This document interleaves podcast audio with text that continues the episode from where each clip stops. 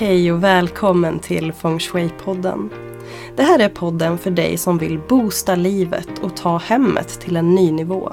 Jag heter Therese Skog och är certifierad Feng Shui-konsult och jag är din guide genom Feng Shuins magiska värld.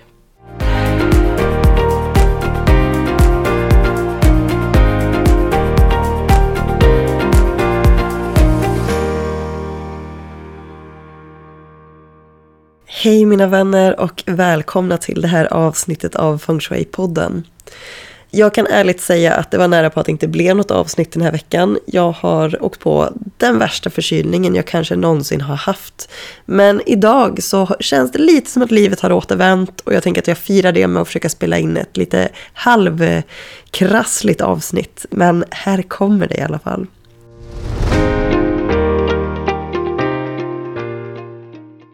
Idag tänkte jag att jag skulle prata lite grann om en fördom som är kopplad mycket till feng shui.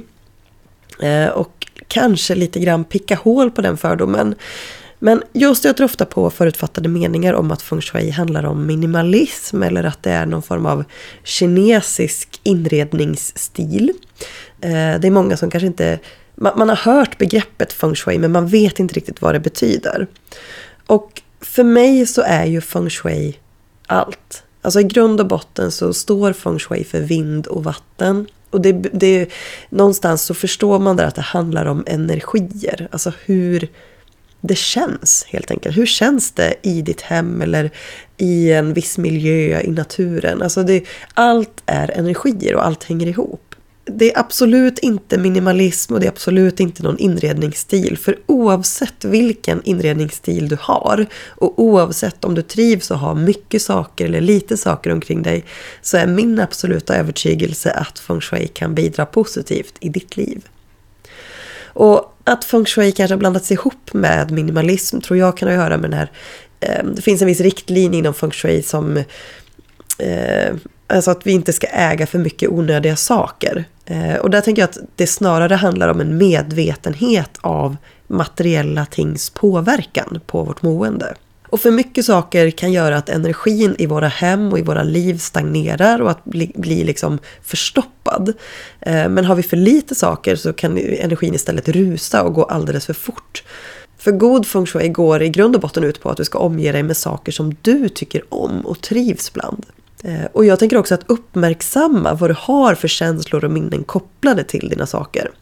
Och en fråga som jag tycker är ganska bra att ställa är om möblerna och sakerna som du har i ditt hem kan du se dem som en del av din framtid och en del av ditt framtida jag? Så om du funderar på hur du vill att ditt liv ska se ut och vem du är som person.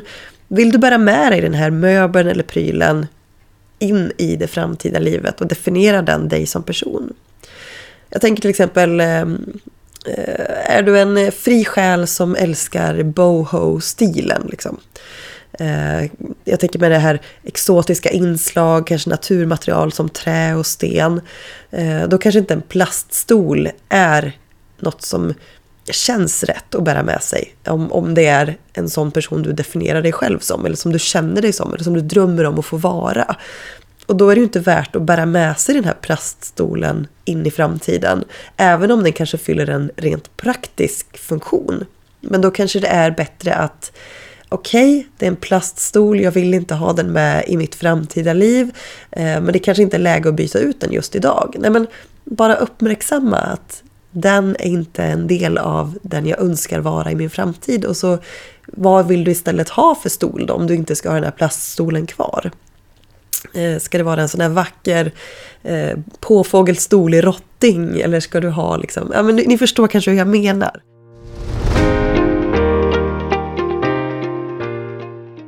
Ja, jag har ju berättat om min KonMari-rensningsresa som jag påbörjade förra året. Och man kan väl säga som så att jag har nästan kommit i mål men jag har liksom kört i diket. Jag har köket kvar, jag tycker att det är skittråkigt. Ehm, jag har också fuskat under min KonMari-rensning så att jag har inte eh, jag har inte tömt förrådet eh, under tiden. Så ska du göra det hardcore så ska du ju egentligen även gå igenom förrådet. Och det har inte jag gjort under den här resan hittills. Men planen är ju att nu när det blir varmare så ska jag fortsätta göra klart liksom, även förrådet. Eh, men när det kommer till eh, KonMari och att rensa med KonMari så en av de här delarna handlar om att också rensa och inventera bland dina möbler. Så att jag har gått runt i mitt hem, jag har tagit på alla mina möbler och känt efter vilka som väcker spark joy och inte. Och så har jag skrivit ner på en lista eh, alla möbler som jag skulle vilja göra mig av med eller byta ut. Eh, vilket sammanfattningsvis kan vi väl säga att jag i princip vill byta ut hela mitt hem. Jag inte det vi har i sovrummet. Jag älskar våra sängar, jag älskar eh, Olles lekrum, alltså förvaringsutrymmen och så där inne. Men i övrigt så... Men jag kan ta våran TV-bänk som exempel. Eh, jag köpte en begagnad för 100 kronor. Eh, och det var rakt av ett impulsbeslut för att våran son inte skulle slå ihjäl sig på glasluckorna när han eh, försökte skalla dem dagligen under sina försök när han skulle lära sig att gå. Så att tv-bänken har jag aldrig tyckt om. Så den ska bytas ut. Eh, men också vårt matbord och stolar. Jag gillar det inte. Jag har inte gillat dem sedan första början. Vi fick de här möblerna ihop med huset. Så då var det ju supersmidigt att bara kunna flytta in. Annars hade vi behövt investera i eh, nytt matbord och stolar. Och det är ganska dyrt att köpa om man ska köpa nya möbler. Det är självklart går det att fynda begagnat. Och jag har köpt väldigt mycket begagnat. Eh, men jag har inte riktigt, jag, jag vill liksom renovera vårt kök. Så jag, jag, känner också att jag kommer inte att bli nöjd med bara ett nytt matbord och stolar. För jag vill, köket ser inte ut som jag vill. Eh, därför tycker jag att det är onödigt att lägga pengar på att köpa nytt bord och stolar när jag inte har det kök jag skulle vilja ha. Liksom. Men där är också, jag, jag, försöker liksom ändå att vi gör det bästa utav det. Vi använder möblerna dagligen. Jag försöker att ha liksom lite ljuslyktor, tända lite ljus på bordet och att ändå göra det bästa utav det, det vi har. Så härnäst på min önskelista står en duk till köksbordet så jag ska prova och se om det kan kännas lite bättre.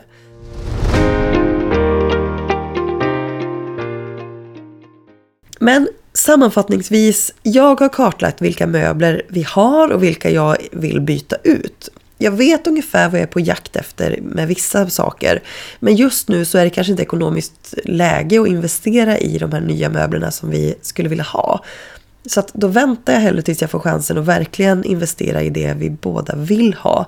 Eller tills ett bättre, kanske gratis alternativ dyker upp. Till exempel att man får någon gåva av någon eller att eh, man hittar något fynd på Marketplace. Men min upplevelse är att när, man blir, när det blir de här impulsbesluten av möbler så blir det alltså impulsköpen blir sällan genomtänkta och eh, inte så långsiktigt hållbara. Eh, så att nu har jag liksom, jag, det är lite så jag har levt mitt liv innan. Att jag har kanske inte, jag har struntat lite grann i att tänka särskilt långsiktigt. I dagens läge så försöker jag verkligen att känna efter mer hur jag vill ha det. Och därför så köper jag inte möbler och saker på impuls i samma utsträckning som jag har gjort förut. Så ett bra tips är helt enkelt att inventera dina känslor kopplade till vad du har för möbler. Eh, och det handlar kanske inte om att byta ut allt och framförallt inte byta ut det snabbt och lätt utan jag skulle vilja säga att en sån här inventering kanske främst handlar om att lära dig att se hur du påverkas av dina möbler och att samtidigt också jobba på att acceptera den här nuvarande situationen som du är i. Gör det bästa utav det där du är just nu. Eh, tänd ett ljus, ställ fram lite pynt som gör att det, bordet blir finare eller att den här möbeln liksom eh, ja, Lyft fram det som är fint och det som är bra och jobba på acceptansen. Och tänk också på att god feng shui, det är ingen inredningsstil. Det handlar inte om minimalism eller att det ska se ut på ett visst sätt. God feng shui ska inte synas, det ska kännas. Ja, det får sammanfatta det här lite spretiga, rossliga avsnittet så hoppas jag att vi hörs igen. Ha en fantastisk dag. Hej då!